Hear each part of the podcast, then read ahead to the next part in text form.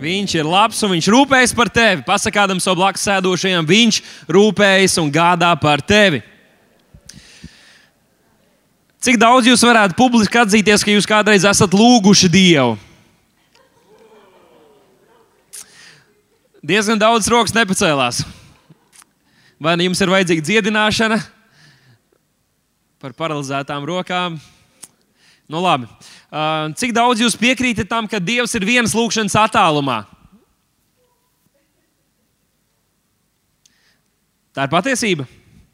Vienas lūkšanas attālumā Dievs. Atbilde ir vienas lūkšanas attālumā. Pareizi.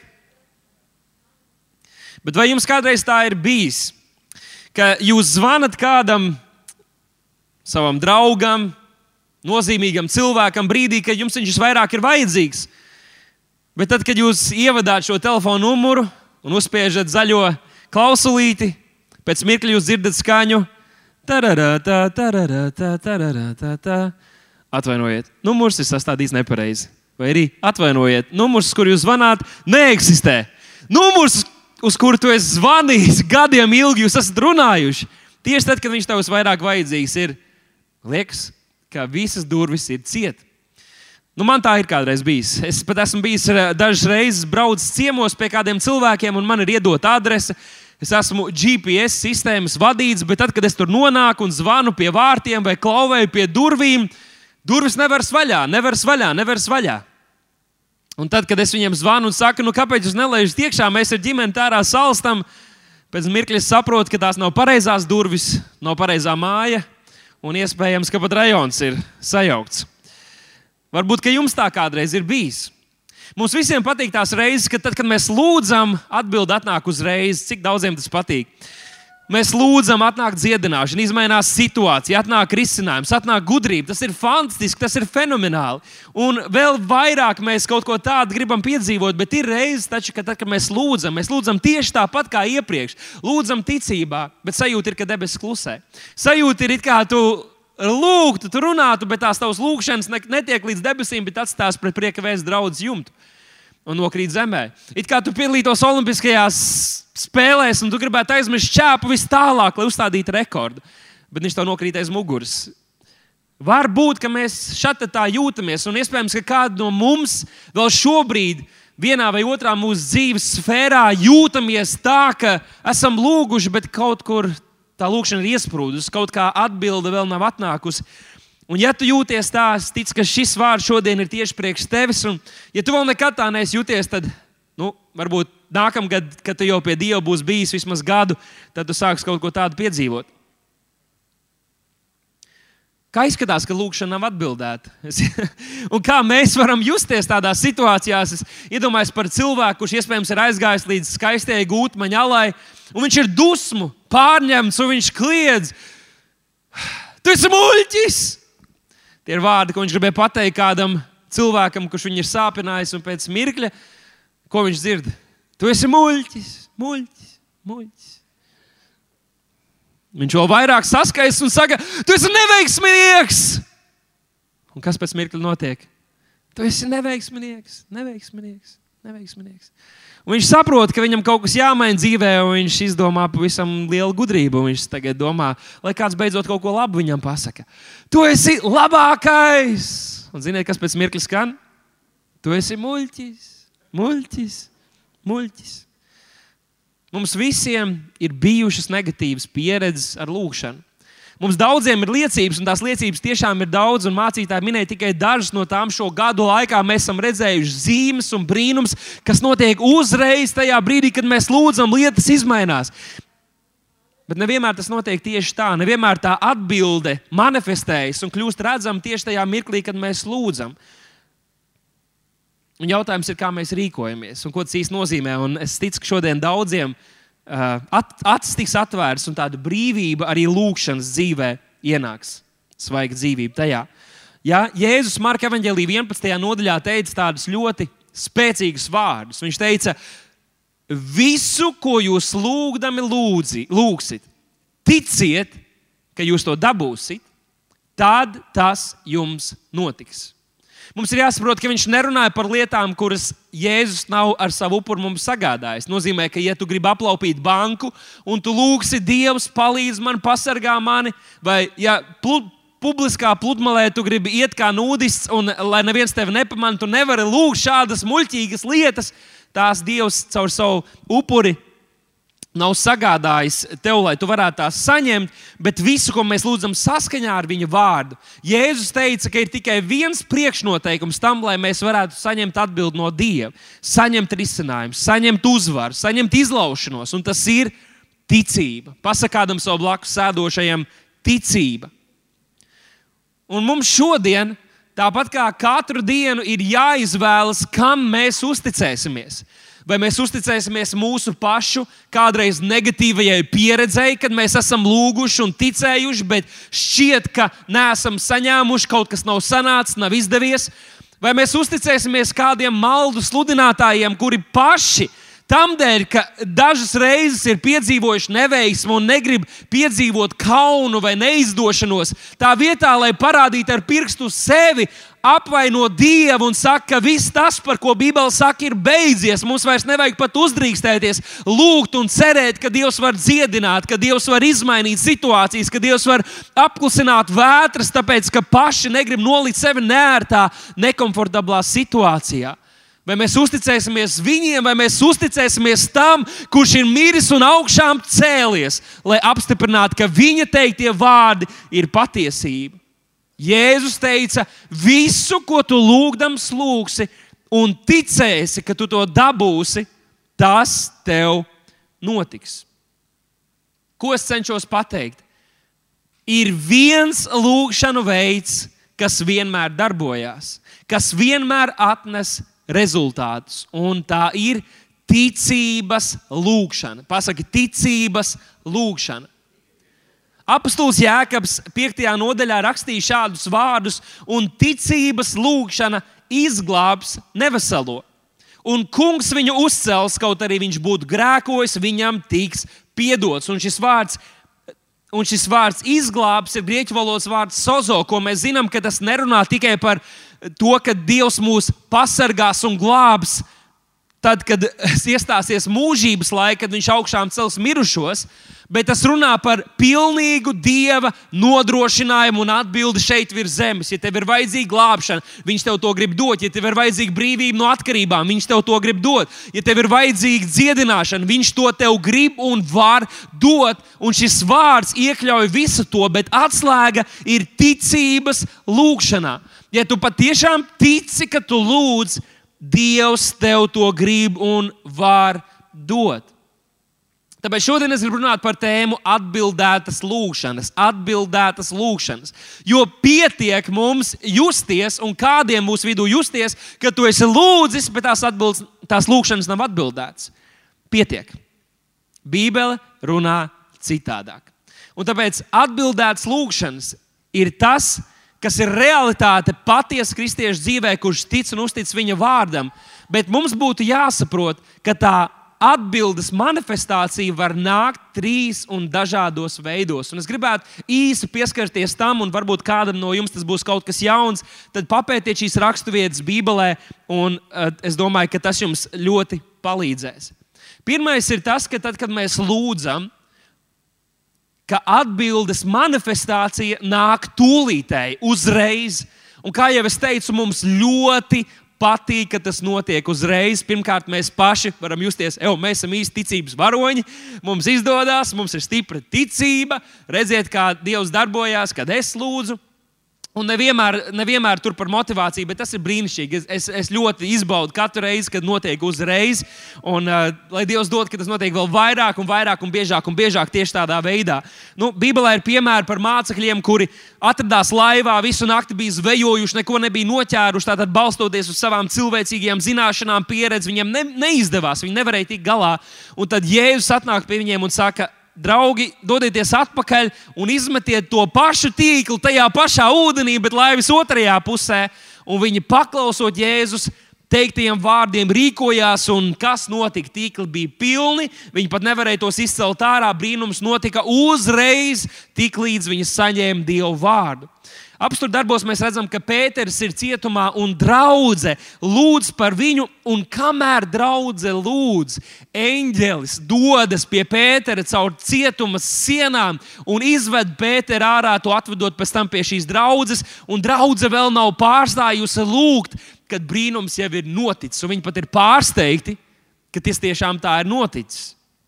Mums patīk tūlītējas atbildes, tūlītējas atbildžu manifestācija. Bet otrs veids, kā atbildes var nākt mūsu dzīvē, ir pakāpeniski. Saki, pakāpeniski. Tā ir pakāpeniska manifestācija, un tur arī piemēri ir vairāk Bībelē. Piemēram, Lūkas evanģēlijas 17. nodaļā Jēzus pārvietojas pa pilsētas ielām, un desmit spitālīgie, kuriem citādāk bija jāturas tālu prom no apkārtējās sabiedrības, no attāluma viņi sauc Jēzumu, apžēlojies, apžēlojies, apžēlojies. Un acīm redzot, tas bija veids, kā viņi izpauda savu ticību, kas, lai gan šodien varbūt mēs neteiktu, ka tā ir tipiska ticības lūkšana, bet viņi sauca, viņi meklēja, viņi cerēja uz Kristu. Un tur nav teikts, ka Jēzus būtu piegājis viņiem klāt, uzlicis viņiem rokas, lūdzis par viņiem. Jēzus vienkārši saka, ejiet un rādieties priesteriem, vai esat, esat dziedināti. Un viņi paklausīja viņa vārdiem, un tur burtiski ir rakstīts, ka viņiem ceļā dodoties, viņi kļuva veseli. Spitālība izpaudās pa visu viņu ādu, pa visu viņu ķermeni.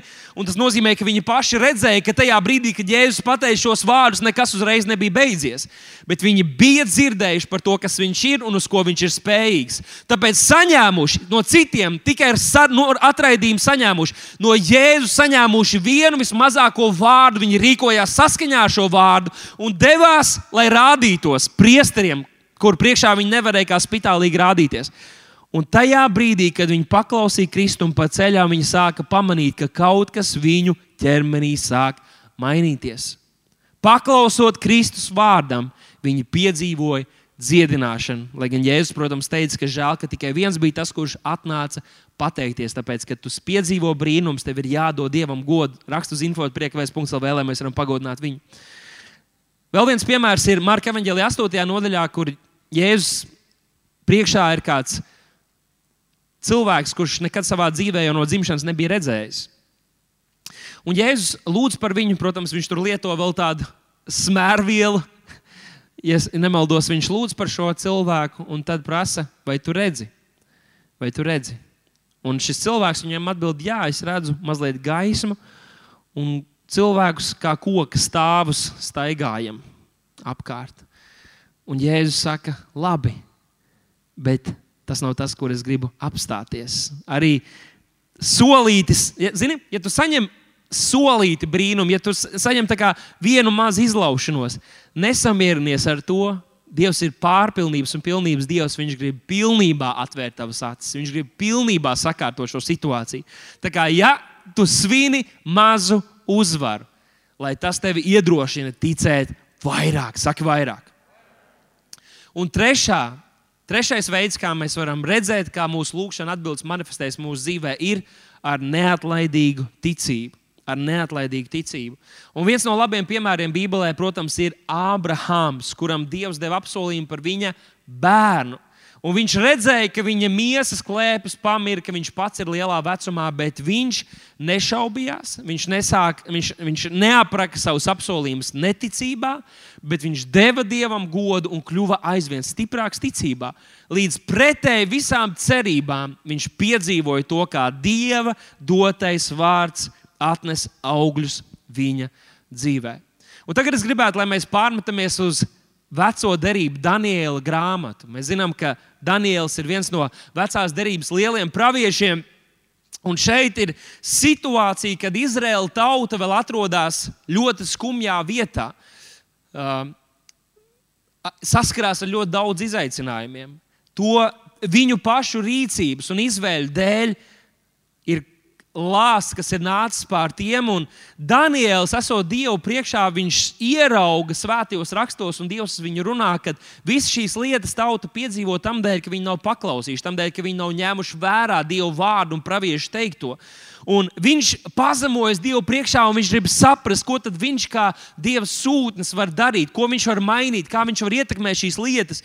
Un Daniela grāmatas 9. nodaļā, 21. pantā, mēs redzam šo pirmo viņa lūgšanu, kur viņš lūdz. Un šeit Viņš paskaidro, kas notiek šīs lūkšanas laikā. 21. pantā viņš saka, kamēr es lūdzu, pie manis steigšu slaidās šurp tas Gabriels, kuru es jau redzēju agrāk savā pirmajā redzējumā, tas ir eņģelis, un pieskārās man ap vakara upura laiku. Un tad vēlāk viņš saka, ko šis eņģelis viņam teica un paskaidroja. Un klausieties, ko šis eņģelis viņam saka. Kad tu iesāki Dievu lūgt, man atklājās Dieva vārds. Tātad Dievs uzreiz reaģēja, uzreiz izsūtīja pavēli un saka, es ierados, lai tev dotu ziņu, jo tu esi it īpaši iemīļots vīrs.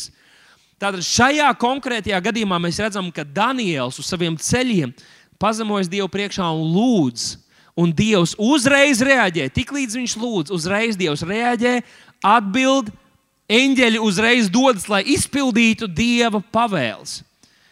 Un iespējams, ka šī atbilde atnāca trīs minūšu laikā. Viņš vēl nebija beidzis lūgt, kad atbilde jau ir klāta. Un tas ir fantastiski, un mums tas ļoti, ļoti patīk. Bet paskatīsimies arī desmitajā nodaļā. Daniela grāmatas desmitā nodaļa, un tur ir ielikās līdzīga situācija. Ir pagājis kāds laiks, un viņš saprot, ka viņam atkal ir vajadzīgs brīnums, ka viņam atkal ir vajadzīga pārdabiska iejaukšanās, izpratne, uh, gudrība, kā rīkoties un palīdzība no Dieva.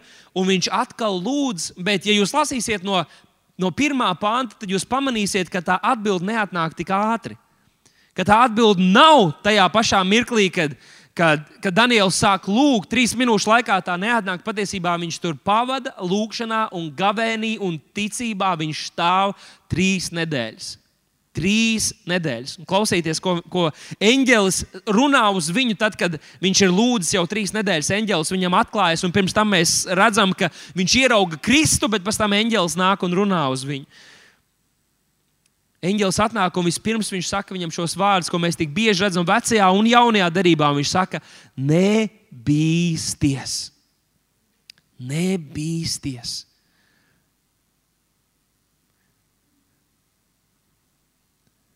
Mūsu valstī priekšā tagad stāv sarežģīta situācija. Ir rādītāji, kas ceļas, ir valdības lēmumi, kur ietekmē visu mūsu dzīves. Šodien Dievs tev saka, nebīsties. Nebīsties. Varbūt, ka tu esi jau mēnešiem, nedēļām, gadiem ilgi stāvējis ticībā, lūdzis un ticējis par brīnumu savā dzīvē. Un tev šķiet, ka, ka atbildi kavējās. Tad šodien Dievs saka tev, nebīsties, nebīsties, nešaubi, nešaubies.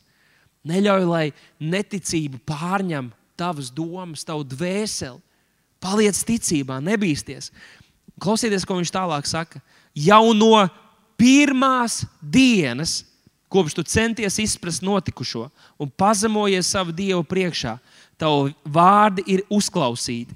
Un es gribēju ierasties tavas lūgšanas dēļ, bet persiešu valsts sargeņģēlis, tātad demonisks spēks, mani atturināja, div, atturēja 21 dienu. Kas mums būtu jāpamana šajās divās tik tuvajās rakstu vietās? Abos gadījumos tas bija cilvēks, kurš meklēja savu palīdzību pie Dieva. Tā ir mūsu pozīcija. Abās situācijās Dievs tūdaļ atbild. Jūs ievērojat to? Pirmajā reizē lūkšanas atbildi jau atnāk trīs minūšu laikā, bet šeit eņģēlis saka, tad, kad tu jau lūdzi no pašas pirmās dienas, kopš tu centies izprast, es esmu Es gribēju ierasties, es jau biju ceļā, atbildi jau bija ceļā, risinājums jau bija ceļā, šī atbildes manifestācija jau bija ceļā, bet notika garīga cīņa garīgajā pasaulē. Jūs zināt, ka mēs ne pret miesām un asinīm cīnāmies. Ir garīgi spēki, kas cīnās, kas pretīm stāv, lai mēs iemantotu Dieva apsolījumus. Notiek garīga cīņa, bet viņš paliek ticībā, viņš paliek ticībā, viņš paliek lūgšanā. Vai varētu būt tā, ka tas, par ko tu lūdz, ka tas, par ko tu tici, lai tas varētu manifestēties tavā dzīvē, tev ir jāpaliek lūgšanā, tev ir jāpaliek ticības pilnam, un ir kaut kādas garīgas cīņas, kas jāizcīna. Pagājušajā svētdienā šeit pat lūgšanās bija interesanti, ka mēs beidzām lūgt un gribējām noslēgt vēl ar slavēšanas, ar, ar, ar, slavēšanas dziesmām, un tad mācītāji pēc mirkli atnāca apakaļ un teica, nē, man liekas, ka mums vēl ir jālūdz, ka mums vēl ir drusku jālūdz, lai būtu tā, tā uzvara, tā, tā, tā, tas apstiprinājums mūsu sirdī, ka mēs esam to izdarījuši, ir, ir, ir jāpienāk mūsu dzīvēs brīdim, lūkšanā, kad mēs, kad mēs lūdzam, kad mēs lūdzam, un tad mēs sajūtam savā sirdī. Mums ir svētā gara zīmogs, apstiprinājums, ka Dievs to ir devis, ka, me, ka mums ir pārliecība mūsu sirdī, ka ticība ir tagad, ka mēs tagad saņēmuši esam, ka tagad tas ir piepildījies, ka tagad tas ir mums. Un tad notiek šī cīņa ir svarīgi saprast, ka, ka arī šajās divās lūkšanās, kad problēma nebija dievā, Dievs uzreiz atbildēja. Viņš uzreiz atbildēja, atbilde uzreiz tika dota. Bet Danielam bija šī atbilde jāsaņem. Viņam bija tā jāizcīna, ka viņš to saņem. Apsolītajā zemē Dievs saka, es jums došu katru to vietu, kur jūs lisiet savas kājas. Viņš deva viņiem apsolīto zemi, bet tiem vīriem tik un tā bija jāiet un jācīnās. Un tas ir rīkoties ticībā, aizliegt sevi. Tas ir gavēns, tā ir lūkšana, tā ir, tas var izpausties visdažādākajos veidos. Un tajā pašā laikā mums jāsaprot, ka tas nevienmēr ir, ir obligāti demoniskā pasaule, kas var atturēt mūsu lūgšanas. Tie varam būt arī mēs paši, kas mēs mūsu lūgšanām laupam spēku. Mēs varam stāvēt ticībā, bet ir lietas, kur mēs krītam, kur mēs klūpam, kur mēs neapzināmies, ka mēs paši laupām savām lūgšanām spēku, un es tos nosaucu par lūgšanu traucēkļiem. Nu, viens no tiem varētu būt, ka mēs ignorējam Dievu vārdu. Bībelē vēl ir citi piemēri doti, bet šis ir viens no tiem, uh, ko, ko mēs redzam. Bībelē skaidri mācās, ka mēs ignorējam Dieva vārdu. Un mana mazā meitiņa, viņai ir trīs gadi, un jūs zinat, ka, ka trijos gados bērns jau sāk diezgan daudz ko arī runāt un var pastāstīt šo to. Un tad, kad viņi ir ar kādiem radiniekiem vai draugiem, tad, kad es esmu kaut kur līdzās, un cerams, ka viņi tik daudz to nestāsta, tad, kad es, es neesmu klāt. jo kādreiz viņa saka saviem draugiem vai, vai mūsu radiniekiem, viņi saka, bet tētis teica, Un tad sāk zilie brīnumi, ko viņi tur izstāsta. Nu, viņai vienkārši gribās iegūt autoritāti tam, ko viņi saka. Viņa saka, bet mans tētis teica, bet mans tētis teica. Un kādreiz atnāk mājās, un mēs pirmie ejam mazgāt zobus, un tad viņa man saka, bet mamma teica, ka man ir tīri zobi. Vai varētu būt tā, ka mēs līdzīgi esam arī mūsu ticības dzīvē, ka mums nav skaidrs Dieva vārds, uz kā mēs stāvam, bet mēs paši iedomājamies, ko Viņš iespējams mums ir teicis, ko Viņš iespējams mums ir devis un mēs it kā lūdzam, mēs it kā izpaužam šīs lietas, mūs, kas ir mūsu sirdī, bet tam nav pamata. Tas, tur, tur nav šī dieva vārda pamata, un katra šī raksturvieta apstiprina katru šo domu, ko es šodien saku. Tāpat varētu būt, ka mēs lūdzam, lai censtos iespaidot citus. Ja jūs teicat, lai mēs neesam tādi, lai mēs nelūdzam tā kā pagāni, ka mēs vienkārši cenšamies iespaidot citus ar to, cik mēs skaisti varam pateikt, cik mēs labi varam pateikt. Varbūt, kad Tu negodā dzīves draugu. Šajā konkrētajā raksturvietā Pēters runā par vīriem, kuri nav saudzīgi un nedzīvo prātīgi ar savām sievām, kas nu, neparāda šo mīlestību un maigumu viņām. Viņš saka, ka tādas lūkšanas var tapt traucētas. Tāpat arī otrādi, ja sieva negodā savu vīru, vai varētu runāt par citām autoritātēm mūsu dzīvē, kur mēs nevaram padoties kur mēs eh, neievērojam Dievu vārdu, mūsu pašu vecākus, ja mēs negodājam tos, vai tādas lūkšanas nevar tikt traucētas. Varbūt, ka tu dzīvo atklātā grēkā, varbūt tu dzīvo attiecībās, seksuālās attiecībās ārpus laulības, varbūt, ka tu skaties pornogrāfiju, varbūt, ka tu esi atkarīgs eh, no kādām lietām, varbūt, ka tu aprunā cilvēkus. To var saukt visdažādākajos veidos, bet svētais gars tev ir pārliecinājis. Tev ir skaidrība, ka tev vajadzētu kaut ko mainīt savā dzīvē, bet tu turpini mīlēt savu grēku vairāk, vairāk nekā Dievu. Tad 66. psalmā Psalmis raksta, ja es netaisnību turētu savā sirdī, tad tas kungs visvarenais man nebūtu uzklausījis. Jēzus teica, ka mums ir jāpiedod citiem, kā Viņš mums ir piedevis. Ja mūsu sirdīs ir nepiedošana, naids, ienaids pret citiem cilvēkiem, vai tādas lūkšanas var būt efektīvas. Visbeidzot, Jēkabs saka, ka jūs iekārojat, jums nav, jūs slepkavojat un skaužat, nevarat iegūt, jūs cīnāties un kārojat, un tad viņš saka, jums nav, tāpēc, ka jūs nelūdzat. Vai varētu būt tā, ka mums šķiet, ka mēs par to esam lūguši, ka mēs it kā par to lūdzam, bet patiesībā mūsu sirds nav tajā. Mēs nelūdzam ticībā. Vai mēs vispār nekad tās lietas neesam pacēluši Dievu priekšā, neesam atraisījuši savu ticību pret kalniem, par problēmām, kurām jāatrisinās. Vienkārši cerot, ka Dieva prāts tik un tā piepildīsies, ka mums tur līdz, līdzdalība nekāda nav vajadzīga. Vai varētu būt tā, ka mēs paši slāpējam savas lūgšanas? Mateja Evangelijas 7. nodaļā Jēzus teica šos vārdus: Lūdziet, tad jums taps dots. Meklējiet, tad jūs atradīsiet. Klaudziniet, tad jums taps atvērts. Un tas ir vēl viens apsolījums. Un jūs jau zināt, ka katrs no šiem vārdiem, lūdziet, meklējiet, klaudziniet, tas runā par neatlaidīgu klaudzināšanu, par neatlaidīgu meklēšanu. Man pašam tā ir bijis, kad es, kaut kas mums mājās ir pazudis un šķiet, nu, Kurš gan to var atrast, ja ne es? Un tad es dodos un, un pārbaudu manu istabu, mūsu viesis, virtuvi, skatos dažādās kastēs, vietās, kur iespējams eh, tās varētu būt, un es neatrodu to. Viens ceļš, protams, būtu padoties un norakstīt šīs lietas, bet tie, kas ir neatlaidīgi, tie, kas patiešām ir ticības cilvēki, mēs ceļamies un meklējam vēlreiz. Un man pašam tā ir bijis, un iespējams, ka jums nekad tā nav bijis. Jūs daudz veiklāki un prasmīgāki nekā es. Bet kādreiz man ir tā bijis, ka vietās, kuras jau divi divas reizes esmu lūkojies, trešajā reizā, reizē tās lietas tur atrodas. Un es nerunāju par saules brillēm, kuras tev ir uz, vai brillēm, kuras tev ir jau uz galvas, un tu meklē, kur tā saules brilles visu dienu staigā apkārt, vai mašīnas atslēgām, kuras ir somā, bet tu meklē visur citur. Bet Viņas neatrod. Es runāju par neatlaidību. Jēzus saka, ka tev ir jābūt ticīg, ticīgam ilgtermiņā, ne tikai šajā konkrētajā brīdī, lai tu saņemtu, jo atbilde tev jau ir dota. Dievs jau tev atbild. Tā kā Danielam, tiklīdz tu lūdz, Dievs atbild, Dievs reaģē. Tev ir apstiprinājums no svētā gara savā sirdī. Bet, lai tu patiešām atrastu fiziski to, lai tā manifestētos atbildi, ko Dievs tev dod, tev ir jābūt neatlaidīgam. Un ta, nu, tas mums, ar to mums vienkārši ir jārēķinās. Mums ir jāpaliek ticībā līdz galam.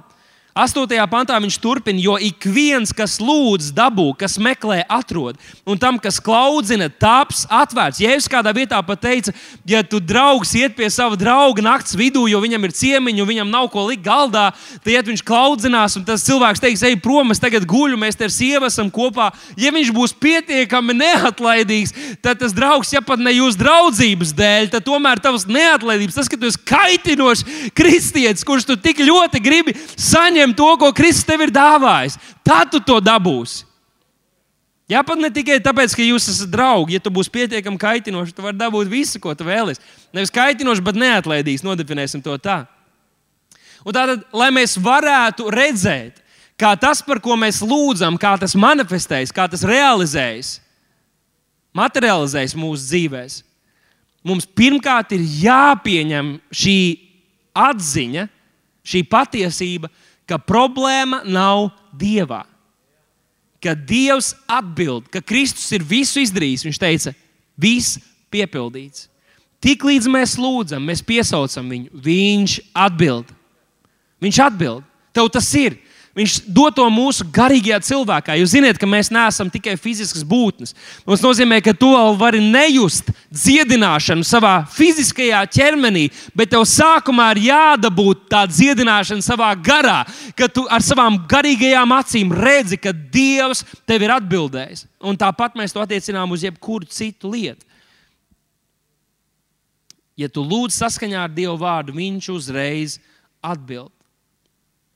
Un tad, kad mēs dabūjam šo realitāti, kad mēs dabūjam šo atbildi mūsu garā, kas var būt tūlīt, kas var būt pēc trīs minūtēm vai pēc kāda laika, lūkšanā un gavēnī, ka tas patiešām iegremdējas mūsos, ka mēs zinām, ka mēs zinām, ka mēs zinām, ka mēs zinām, ka mēs zinām, tad mūsu lūkšanai ir jāmainās. Mūsu lūkšanai ir nedaudz jāmainās. Un tas ne obligāti visiem vienmēr ir jāskaidro. Bet, kad tu zini, ka tu zini, ka tu zini, bet tu vēl to neredzi tad tavai lūkšanai vairs nav jābūt Dievs. Palīdzi man, Dievs, iedini, bet tu sāc runāt uz kalniem, tu sāc runāt uz vīģes kokiem, tu sāc runāt uz slimībām, tu sāc runāt uz situācijām savā dzīvē, ar šo autoritāti un ticībā lūdzot un atraisot Dievu spēku un pavēlot tam materializēties tavā dzīvēm. Efeziešu vēstules trešajā nodaļā Pāvils runā par spēku, kas darbojas mūsos, par spēku, kas ir mūsos. Viņš runā par to, ka tas pats spēks, kas uzmonāja Jēzu no miroņiem, tas pats spēks ir tevī un tas darbojas tevī.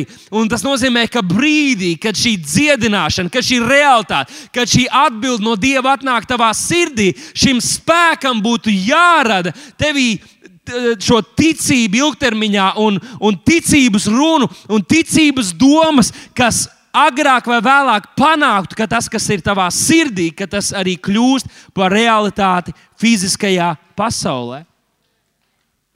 Tas ir līdzīgi kā radio uztvērējiem.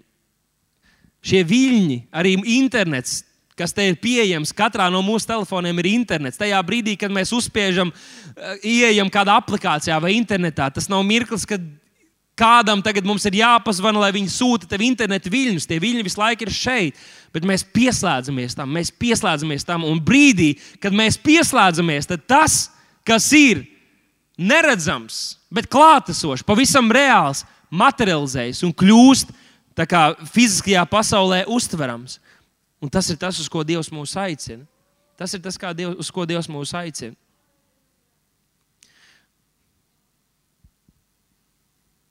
Kad Jēzus, jūs zināt, ka Jēzus bija Lācara draugs. Un es gribētu noslēgt, mazliet jums, atgādinot jums stāstu par Lācaru. Bībelē ir divi Lācari. Viens ir tas nabadzīgais, slimais vīrs, par kuru Jēzus runā, kurš sēdēja un bija pie bagāta vīra nama durvīm. Un tad viņš nonāca Abrahama klēpī, bet ne par to mēs šodien runāsim. Bet otrs bija Marijas un Martas brālis. Interesanti, ka mēs redzam, ka Bībele mums atklāja, ka Jēzus mīlēja Lācaru, bet mēs nekur Bībelē neredzam, ka viņiem būtu bijušas sarunas kaut kādas līdz tam mirklim, kad Lācaram viņš ir vajadzīgs. Lai gan mēs saprotam, ka Jēzus mīlēja Lācaru tam dēļ, ka viņiem noteikti bija bijušas kaut kādas attiecības kontakts. Kaut kad, kad Marija Marta, kad viņas gāja gatavot, varbūt Lācars parunāja kaut ko, viņas sirds bija īstajā vietā. Jūs zināt, ka Lācis augšām cēlās. Es jums jau iepriekš pateicu, kas notiks galā, lai jūs tagad nesabēdājaties visi. Lācis augšām cēlās, un man šķita pats, kāpēc Lācis nevarēja būt viens no apstuļiem vai viens no, no mācītājiem. Nekur mēs pēc tam vairs vēlāk neredzam viņu pieminēt. Un, uh, tā atbilde, kā es saprotu, savā iedomājieties, cik tas būtu spēcīgi. Viņš dodas uz kādu jaunu vietu, uz kādām pilsētām, kur visi dzird par jēzus varniem darbiem. Un nevis viņš saka, Bija tāds lācers, un viņš augšām cēlās, bet viņš saka, es, es biju četras dienas miris. Es redzēju debesis, es redzēju tur vēlnu, un redzēju eņģeļus, un likās, es vairs nekad nebūšu atpakaļ. Un tad es dzirdēju kādu balsi, kas teica, nāc, ar, nāc ārā. Un pēkšņi viņš sāka man vilkt atpakaļ, un tā tālāk. Mēs zinām, šādu stāstu ļoti daudz, tagad mūsdienās ir grāmatas, tā tālāk. Jūs paši vērtējat, cik daudz no tā viss ir patiesa, un tā tālāk. Uh, nu, tieši no šiem pārdabiskiem stāstiem. Tas ir katra paša sirdsapziņai. Bet tas būtu bijis spēcīgi, Lācis būtu bijis viens no viņiem. Bet es saprotu, ka Dievam ir aicinājums priekš katru no mums unikāls un personīgs. Un iespējams, ka Lācis nebija aicināts būt par apstuli vai mācītāju, lai gan viņš piedzīvoja milzīgu brīnumu. Varbūt viņš nezinu, bija galvenais, varbūt viņš bija uzņēmējs, kurš finansēja Jēzus kalpošanu, un pēc tam agrīnās draudzes kalpošanu, lai tas viss varētu notikt. Varbūt viņš nodarbojās ar to. Un cilvēki varēja nākt un teikt, hei, redz, tur aizmugurē, tur sēž reku kārtībniekos stāv, tur tas vai reku svētdienas skolā kalpo tas lācers. Viņš reāli, viņam ir viena no spēcīgākajām liecībām mūsu dzīvē. Un ko tas varētu mums pateikt? Ka Dievs nedara liels brīnums tikai to cilvēku dzīvē, kuriem jāstāv uz platformām. Dievs to dara priekš katra viena. Pat ja tevi piemin tikai divas reizes, tavā dzīvē no platformas. Varbūt, ka neviens nekad šeit nenosauks tavu vārdu, bet Dievs ir ieinteresēts tavā dzīvē, un Dievs grib un var darīt brīnumus tavā dzīvē. Bet šis stāsts, es agrāk uh, uztvēru to, ka viņš ir ļoti traģisks stāsts, un tajā pašā laikā arī brīnumains, jo ir ne, tās skumjais notikums un arī, un arī um, uzvara atbilde. Bet, uh, gatavojoties šim dievkalpojumam, es pirmo reizi ieraudzīju, cik tomēr arī uh, ironisks un humora pilns šis notikums ir. Es jums gribu nedaudz atstāstīt to un parādīt, varbūt, kā mēs varam ieraudzīt sevi šajā notikumā. Viss sākas ar to, ka uh, Lācis ir ļoti stiprs slims. Un trešajā pantā mēs redzam, ka māsas, kas ir Marija un Marta, uh, viņas sūta ziņu Jēzum. Tātad Jēzus nebija nekur līdzās, nekur blakus, un viņas sūta ziņu. Tātad kāds cilvēks tagad gāja vai nu ar uzrakstītu ziņu, vai mutiski to nodot Jēzum. Viņi zināja, kur Jēzus bija, bet Jēzus nebija viņiem līdzās. Un šī ziņa izklausījās tā: Kungs, redzi tas, ko tu mīli guļ slims. Viņas gribēja atgādināt, ka Lācis nav tikai kaut kāds svešs cilvēks, bet ka viņu brālis ir kāds, ko viņš pazīst. tā būtu stiprāka motivācija viņam doties pie viņām. Un tiklīdz Jēzus dzird šo ziņu, viņš sūta ziņu atpakaļ. Tāda tūlītēja atbild. Mēs dzird, atcerieties, ja? tātad, kad mēs lūdzam, Dievs uzreiz atbild. Jēzus dzird šo vajadzību, un viņš uzreiz atbild ar vārdiem, kas atrodam 4. pantā. Jēzus sacīja, šī slimība nav uz nāvi. Tātad, viņš var, varētu būt, ka viņš teica, pasaki viņām! Šī slimība nav uz nāvi, bet dievam par godu, lai dieva dēls ar to tiktu pagodināts. Un šeit tie, kas neuzskata, ka Jēzus ir ka Jēzus ir Dievs. Šeit Jēzus saka, ka tas brīnums notiks, lai Dieva dēls tiktu pagodināts. Un kādās citās vietās rakstīts, ka pat cilvēku viņu pielūdz. Nu, bet tas tā, lai Dieva dēls ar to tiktu pagodināts. Un tad šis vēstnesis aiziet, Jēzus paliek. Un ko Jēzus darīja? Protams, ja tas bija cilvēks, ko viņš mīlēja, Marta, Marija, mēs zinām šo stāstu. Marija vispār izrādīja viņa mīlestību. Marta bija ļoti čakla, katra savā veidā un izpratnē rādīja savu mīlestību un kalpoja viņam. Protams, ka Jēzum vajadzēja mesties uz ātrākā ēzeļa un atstāt mācekļus un doties, lai glābtu lācaru. Bet tur ir rakstīts, ka viņš divas dienas vēl uzkavējās tajā pašā vietā, kur viņš bija. Tātad viņš izsūtīja atbildi, viņš sūtīja vārdu, bet tā manifestācija, tā, tā, tas, ka to viņi varēja sataustīt, tas kavējās. Divas dienas viņš jau tur palika un viņš tur atradās. Bet tad nedaudz vēlāk, kad viņi beidzot dodas ceļā, kad Jēzus atcerās, jā, mums ir jādodas pie Lācara. Acīm redzot, ka šī ziņa par to, ka Lācis jau ir miris, ne tikai saslims, bet jau ir miris, ir nonākusi līdz viņiem. Un Jēzus dodas kopā ar saviem mācekļiem, un viņš pa ceļam domā, nu, izmantot iespēju un parunāt kādas valstības lietas, un palīdzēt viņiem pieaugt ticībā pa ceļam, un, un, un, un nesagrūst zem, zem šīm ziņām, ko viņi dzird, un iedot citu perspektīvu uz lietām, ko mēs arī cenšamies draudzē darīt un gūt. un dodoties ceļā, viņš viņiem saka tādus vārdus Uh, jūs jau zināt, draugi, ka mūsu draugs Lācis ir aizmidzis, un uh, es iešu viņu pamodināt. Uz ko, protams, uh, mācekļi viņam atbild, kā jau ļoti apģērbīgi jaunieši, atbild, ko? Bet tad jau mums nav kur steigties, Jēzu. Ja jau viņš tikai aizbīgs, tad viņš kaut kad piecelsies un izvesaļosies. Viss būs labi. Tad jau nemaz nesteidzamies. Un Jēzus to centās viņiem tā pateikt, lai viņu perspektīva šo situāciju mainītos. Jo, kad mēs cilvēki redzam slimību, nāvi, mēs uzreiz ah, uh, ah, mācītājiem daudz labāk sanāk šīs skaņas. Atceries, ah! Mēs uzreiz esam ļoti pārņemti, bet viņš redz bijis citādāk to visu. Viņš mēģina parādīt to, varbūt, kā viņš skatās uz šīm lietām. Tas ir sīkums. tad jau viņš pats izvesaļosies, un tad jēzus pēc kāda laika, kad viņiem runāja, viņš saka, labi, Džeki, Es jums pateikšu, viņš, tieši, viņš ir miris, Lācis ir miris. Aizmirstiet par to miegu. Viņš, ne, viņš ir miris, jums ir jāsaprot, ka tur ir nopietna situācija.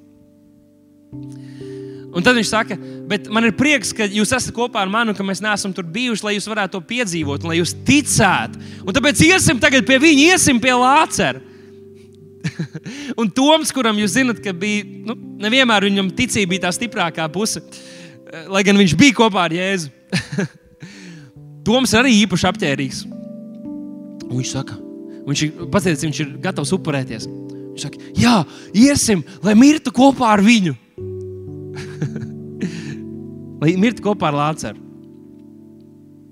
Nu tā, ka viņi tagad visi aizies pie Lācara, apgulsies tajā pašā kapā un mirs nost. tas bija tas, kā viņš to uztvēra. Jā.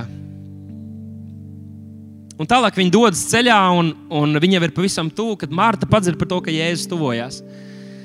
Un Marta skrien pie Jēzus. Un kas ir pirmie vārdi, ko viņa saka Jēzum? Es saņēmu tavu vārdu. Es dzirdēju, ko teici. Tu esi šeit. Lietas mainīsies. Uhu! Nē, viņa teica kaut, kaut ko pavisam citādāk. Viņa teica, ja tu būtu bijis šeit, kungs, mans brālis nebūtu miris. Bet tad viņi saka, bet es zinu, ka visu, ko tu no Dieva lūgsi, Dievs tev dos. Ziniet, kāda pārliecība. Un Jēzus viņai saka, zini, tavs, tavs brālis celsies augšā. Un Marta ir ticības pilna. Viņa saka, Jā, es zinu, ka pastarā dienā visi, visi mirušie celsies augšā, un tad arī mans brālis. Viņa redz, ka šis dieva apsolījums, ka šis dieva apgādājums ir tikai pēc nāves, ne tagad un šeit. Uz ko Jēzus viņai atbildēja, Es esmu augšām celšanās un dzīvība. Ik viens, Kas man tic, dzīvos arī, ja tas mirs, un ik viens, kas dzīvo un tic man, nemirs ne mūžam. Viņš prasa, vai tu tici tam? Vai tu tici tam? Tavā priekšā, tavā dzīvē ir ienācis augšām celšanās un dzīvība. Nenoreducē tu viņu tikai līdz tam, ka kādu dienu tu augšām celsies pēc savas nāves. Viņš ir augšām celšanās un dzīvība tagad. Kā Dievs savai tautai atklāja savu vārdu, viņš teica, es esmu. Un Jēzus atnāca un paskaidroja mums to. Es esmu augšām celšanās un dzīvība.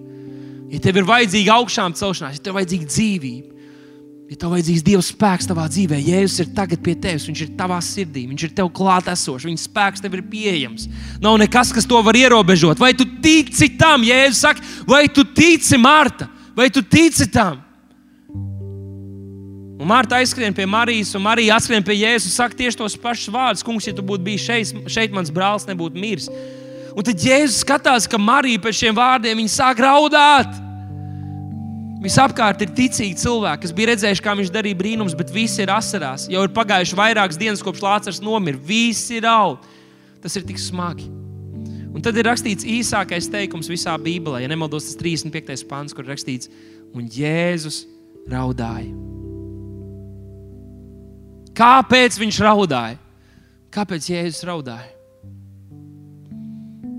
Vai viņš iežēlojās par Lācaru, kurš vairs nekad ne, neizbaudīs garšīgu ēdienu, garšīgu saldo, ne, neaizbrauks uz kādu Latvijas eh, skaistu vietu neredzēs gūtmaņa alu? Vai viņš raudāja, apraudāja Lācaru? Vai viņš apraudāja sevi, viņš žēloja sevi, o, es būtu laicīgāk bijis, ko es tagad darīšu? Nē, tas ir maldīgi, jo mēs zinām, ka jau tajā mirklī, kad viņš padzirdēja par Lāceru, viņš zināja, kā tas viss beigsies. Jūs zināt, ka Dievs zina sākumu un galu. Viņam nav svešs mūsu problēmas, viņam nav sveši mūsu izaicinājumi, mūsu kār, kārdinājumi, mūsu problēmas. Nē, viņš neraudāja par to visu, bet viņš raudzījās šiem cilvēkiem, kas viņam bija tik dārgi un mīļi. Viņš skatījās, kādas sāpes, kādas likstas, kādas problēmas viņi piedzīvo kādas ciešanām, kādām ciešanām viņi iet cauri. Un viņš skatījās uz viņiem, un viņš zinot, ka tie cilvēki netika radīti, lai viņiem kaut kas tāds būtu jāpiedzīvo. Viņas sirds iežēlojās. Varbūt tu šodien esi šeit, un tu āršķirīgi to neizrādi, bet savā sirdī, savā dvēselē, tu esi baili pārņemts. Tu esi tavs acis asaro, tavs sāp. Un tam ir sava vieta. Un Jāsaka, Jēzus raud kopā ar tevi, ka, ka tev tas ir jāpiedzīvo, ka tu cieti. Viņš jūt tev līdzi, bet tā nebija vieta, kur viņš apstājās. Ziniet, tas arī būtu bijis skaisti, ja vienkārši Jēzus raudātu, mācekļi raudātu, visi kopīgi raudātu. Ah, cik skaisti! Mums patīk tāds stāsts. Visi redz, cik tas žēlīgs ir. Kādreiz cilvēki, kas bērēs pārmet, ka kādu no atnākušiem neraud, tāpēc, ka viņiem vajadzētu izrādīt simptomu, nu, arī raudāt. Un tas būtu attiecīgi, kā rīkoties tādā situācijā.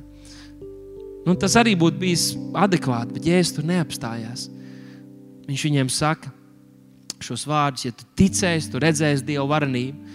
Un tad pēc mirkļa, atrodoties pie šī kapa, viņš saka viņiem, noveliet akmeni, noveliet akmeni, noveliet akmeni.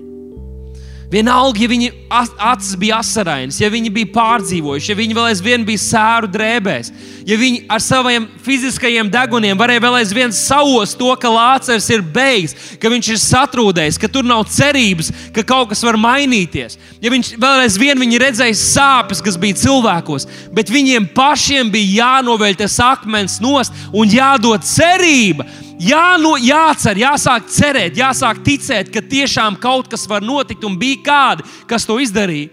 Un šodien es ticu, ka Dievs runā uz tevi. Novēl akmeni, novēl akmeni. Celies un celsim. Iespējams, ka ir kaut kādas sfēras mūsu dzīvēm, kur mēs esam, kuras mēs esam norakstījuši, kur mēs jau sen esam apbedījuši Dieva apsolījumus un mūsu cerības, ka kaut kas varētu mainīties. Šodien tavā priekšā ir augšām celšanās un dzīvība, un viņš saka, novēl to šaubu, un neticības, un melu un maldu akmeni nost. To var izdarīt tikai tu. Tev nepalīdzēs aizlūgšana. Nepalīdzēs tas, ka tu vienkārši iznāks priekšā. Tev pašam ir jānovēl tas akmens nost. Un tas var būt biedējoši. Jo tad, kad viņi to darīja, viņi mazliet redzēja to, kā tur izskatās. Kad viņi to darīja, viņi sauda vēl vairāk to, kā tas izskatījās.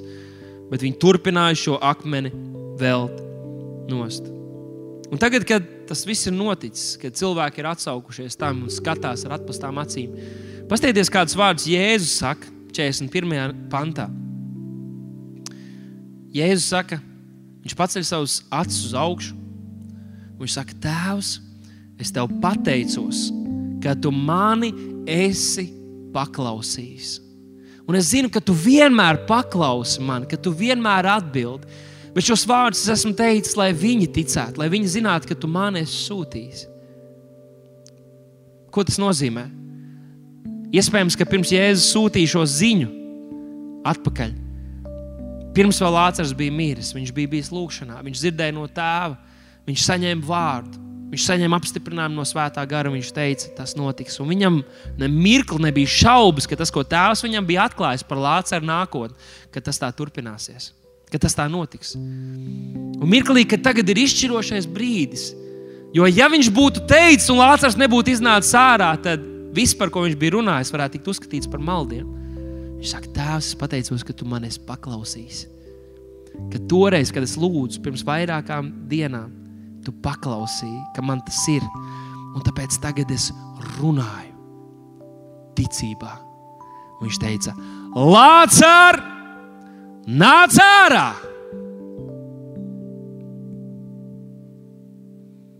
Un zini ko? Pēc mirkļa viņš sāk kustēties. Viņš piecēlās un iznāca tāds pats satīts kā mūmija ārā, iznāca ārā un visi deva godu Dievam. Viņš bija saņēmis, Jēzus bija pārliecināts, ka Dievs jau ir devis šo brīnumu, ka tas jau ir noticis. Bet pienāca mirklis, kad viņš to atraisa. Kad viņš to atraisa.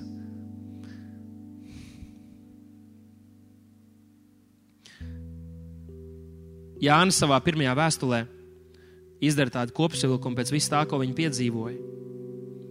Un viņš tur raksta 5. nodaļā, 14. pantā un šī paļāvība mums ir uz viņu, ka viņš klausa mūs, jo, ja ko lūdzam pēc viņa prāta. Ja zinām, ka viņš mūs klausa, ko vien lūdzam, tad zinām, ka saņemam to, ko esam no viņa lūguši.